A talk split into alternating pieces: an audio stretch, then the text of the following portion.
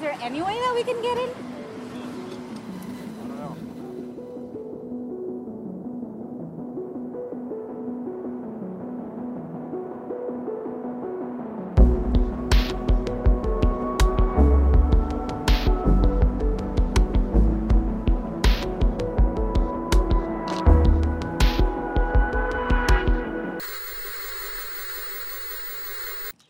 Cek cek. Oke. Oke, sekarang kita udah di Welcome Dalam to Gedung the Putih. White House. You have a minute? Yeah, sure. This is my colleague Rifan Hi, Hi. nice to meet you. He's Nice to meet you. from our Indonesian service. Perfect. And so we're just talking about how Tom Hanks So gave us that, Gave gave it to us, and now it's and now he has coronavirus. And now you're gonna tweet this. Hai, saya Rifan Dwi Astono. Kamu sedang mendengarkan BTS Gedung Putih.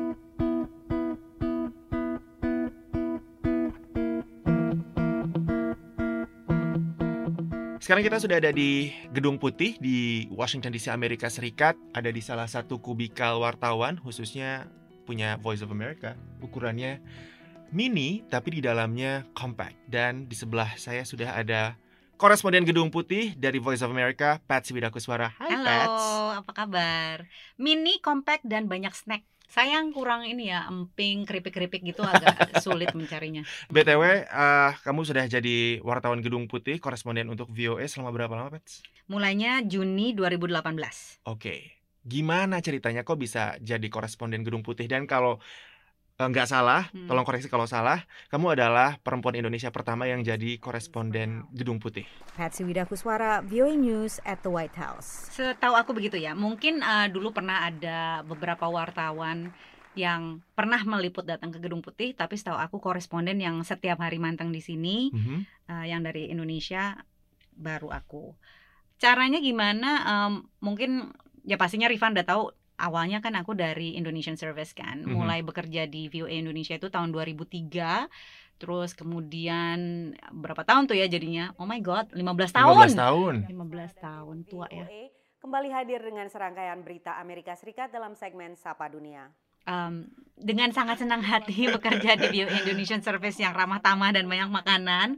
Tapi kemudian ada satu titik di mana aku merasa em, udah ya, nih kayaknya semua udah aku kerjain nih di VOA Indonesian Service udah jadi Mhm. produser, udah jadi anchor dan dan bukan bosan sih, tapi kira-kira tantangan baru apa yang bisa dikerjain. Terima kasih atas perhatian Anda dari Washington DC. Saya Patsy Widakuswara dan tim VOA.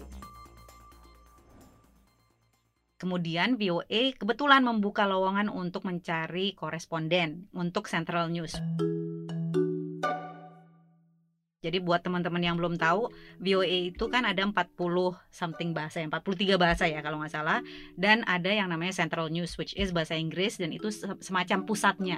Jadi kita memproduksi program TV, radio, dan web artikel yang kemudian diolah lagi oleh teman-teman berbagai bangsa uh, di VOA.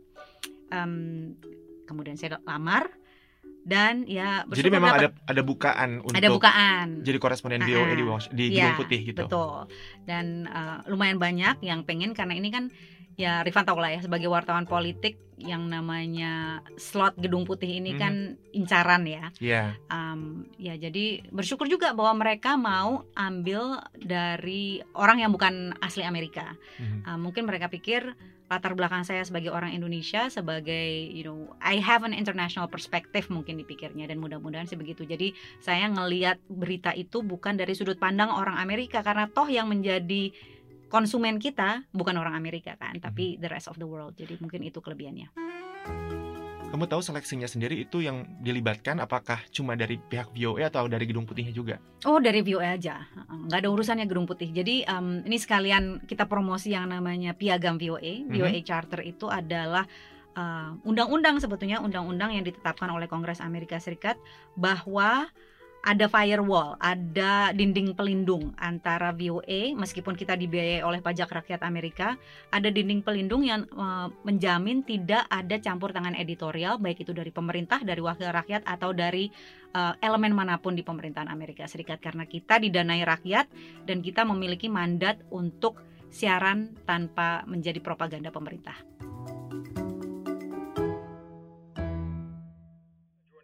Phone is VOA senior White House correspondent Patsy Widakuswara. Patsy, thank you for joining us. Thank you for having me. So, what details can you share about the plan that the president is putting into place? Right. So right now we're just unpacking what the president said last night. There's a lot of confusion. Apa yang berbeda yang dirasakan setelah masuk ke sini jadi koresponden Gedung Putih dibanding dengan pekerjaan sebagai wartawan sebelumnya?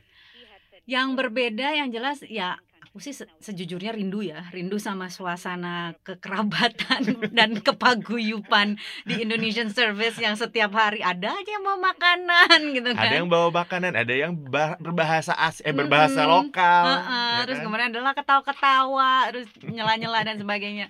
Di sini lebih serius ya, lebih Hmm. serius. Jadi begitu masuk, ya ibaratnya gini, ini kan em, pucuk-pucuknya semua media outlet itu kan di sini ya. Ya. Heeh, jadi orang-orang yang paling ambisius, yang paling workaholic, yang paling ruthless, agak keji dan kejam iya. gitu ya.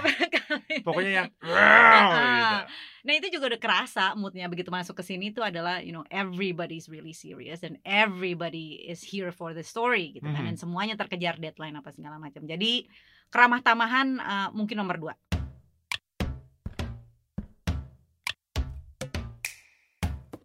Pemerintahan Trump ini kan em, agak unik banyak tantangan-tantangan tersendiri, eh, terutama akses terhadap media yang dibatasi. Jadi dia nggak mau di suasana yang seperti itu briefing room, dia berdiri, terus kemudian terat- teratur, wartawan duduk apa segala macam. Kayaknya dia nggak suka. Dia sukanya kalau misalnya ngomong di eh, di lapangan di belakang, di Hmm. halaman gedung putih.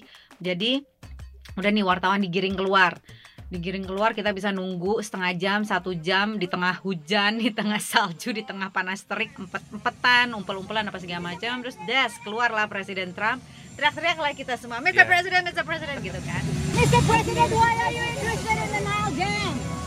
Oh, is it? Mbak Betsy? Some days I get lucky. Maybe this is not one of them. Kapan-kapan mungkin kamu mesti ikut Harus sih, harus ikut. supaya supaya bisa merasakan penderitaanku nah em, nah di situ dia akan dia akan jawab beberapa pertanyaan tapi itu kan sangat tergantung pertama posisi kita di mana dia akan ngeliat kita atau enggak Hmm. apalagi aku pendek gitu kan Em, terus di belakang itu ada suara helikopter yang keras sekali jadi kalau misalnya kita nanya nggak jelas itu dia akan bilang I can't hear you terus langsung lewat. Jadi secara psikologis aku sih merasa itu bukan um, lingkungan yang kondusif yang membuat aku merasa setara seperti eh, dengan si presidennya Presiden ini. wawancara. Dan mungkin itu maunya. Secara Hmm. psikologis he wants to keep us in chaos supaya ya itu nggak bisa teratur you know what I mean? Semacam semacam um, perang urat syaraf juga kali dari presidennya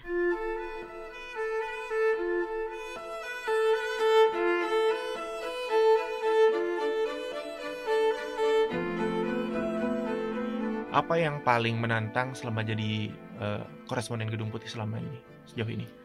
Um, pengalaman menarik waktu off the record Mhm. diajak off the record waktu itu di Air Force One Um, Boleh dijelasin off the record tuh kayak gimana Oh sih? iya iya iya. Jadi off the record itu adalah semua yang gue omongin lu hanya untuk pengetahuan lo sendiri. Nggak boleh lu nggak boleh diberitakan. Fungsinya apa? Fungsinya supaya wartawan dapat informasi kan. Bisa aja nanti kemudian dia cari konfirmasi lebih lanjut dan dia tahu bahwa ini informasinya benar karena sudah ada orang lain yang memberikan Memberitahu. penjelasan off the record.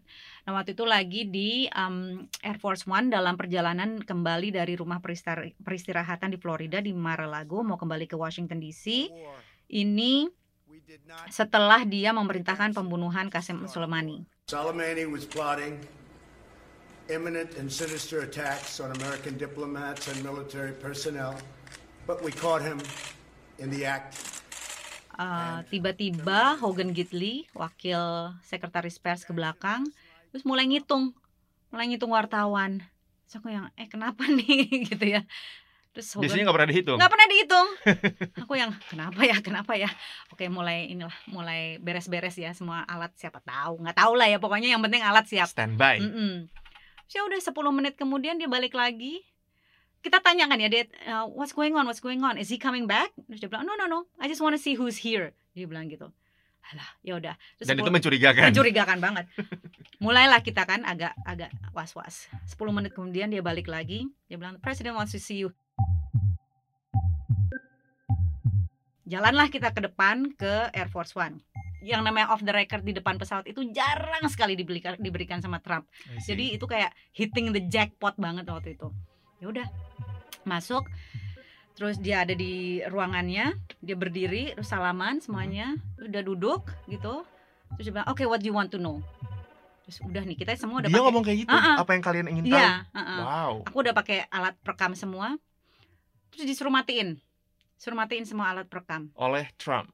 oleh si uh, asistennya dia Oke. gitu terus udah ngobrol lah dia berbagai macam hal mulai dari Korea Utara kemudian Iran terus apalah pemilu kan dia menang apa segala macam banyak sekali ya tentunya substansinya nggak bisa aku jelasin Sure. karena off the record nah terus sepanjang pertanyaan itu ini lama ya kira-kira 40 menit terus ya udah akhirnya setelah beberapa statement kita negosiasi Pak Presiden boleh nggak yang itu on the record? Can we make this one on the record? Can you give us this statement? Jadi kita negosiasi terus tuh. Nah, udah landing nih. Landing kita masih di kantornya presiden. Landing, terus ya udah begitu landing. Oke, see you next time gitu. Terus Just to make clear, kantor presiden di atas Air Di- Force One. di Air Force One. Kita langsung oh my god, oh my god, gimana ini? Yang mana yang which one is on the record, which one is off the record. Dan ini kita semua under time pressure ya karena kan kita semua pool reporter. Ya. Jadi kita selalu harus ngirimin pool reports. Pool reports contohnya adalah uh, Air Force One landed at 16:20 p.m. gitu Mhm. misalnya. Um, selalu da- jadi semua wartawan di Amerika itu yang langganan pool reports itu menantikan laporan kita melalui email terus ya udah akhirnya lah kita eh, sampai di situ terus langsung semuanya you know huddling together. Terus Berembuk. berembuk. Dia bilang yang ini tadi on the record bukan yang ini yang ini. Tadi pernyataannya kayak gini gini gini nih ya udah akhirnya kita eh, bikin satu kompilasi email semua eh, apa on the recordnya dia dan itulah yang kita sebar. Informasi yang akhirnya on the record itu juga hal yang gede nggak waktu itu? Waktu itu yang on the record yang besar itu adalah tentang uh, ya tentang Asem Soleimani ya, tentang Hmm. detik-detik menjelangnya, terus kena uh, alasannya dia kenapa dan segala macam itu itu sempat jadi berita juga. We took action last night to stop a war. We did not take action to start a war.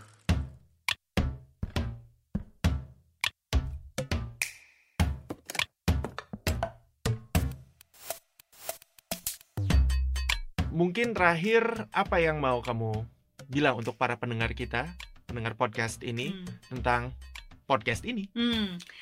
Uh, menurut aku podcast ini istimewa karena uh, kita punya sudut pandang unik kan ya. Mhm. Kita uh, Rifan sama Persi bisa ada di gedung putih, terus bisa mengungkap kelambu di balik di balik kelambu gedung putih.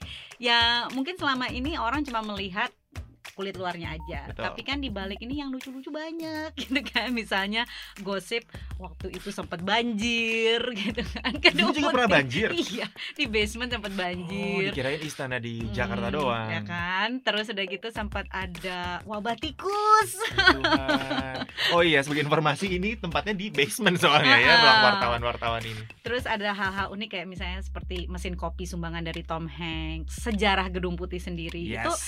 banyak yang lucu-lucu dan unik-unik yang mungkin nggak dikupas di tempat lain. Mhm. dan karena kita punya sudut pandang yang unik kita bisa di sini. Dan karena aku setiap hari ada di sini adalah behind the scenes-nya yang yang bisa kita bahas. Dan mungkin kita bisa em, jawab pertanyaan juga kali ya